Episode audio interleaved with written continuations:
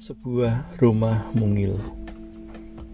Akan ada beribu kerut dan senyuman di dalam sebuah rumah mungil, di mana keluh dan peluh akan terekam di dindingnya, di mana pesta dan sukacita akan terikat di bubungannya, di mana lampu-lampu adalah cahaya pelita arah, dan dinding-dinding putih menjadi pelarut kesedihan, di mana atap-atap sederhana dengan kokoh menahan prahara dengan sebuah taman kecil pelipur lara dan air mata yang menderaskan kebahagiaan. Bunga-bunga kecil yang terinjak oleh kaki-kaki mungil.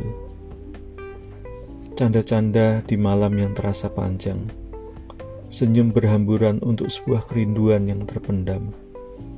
Meja-meja yang berbenturan dan bercerita tentang kehidupan vas-vas bunga yang layu jika mendung sepanjang hari.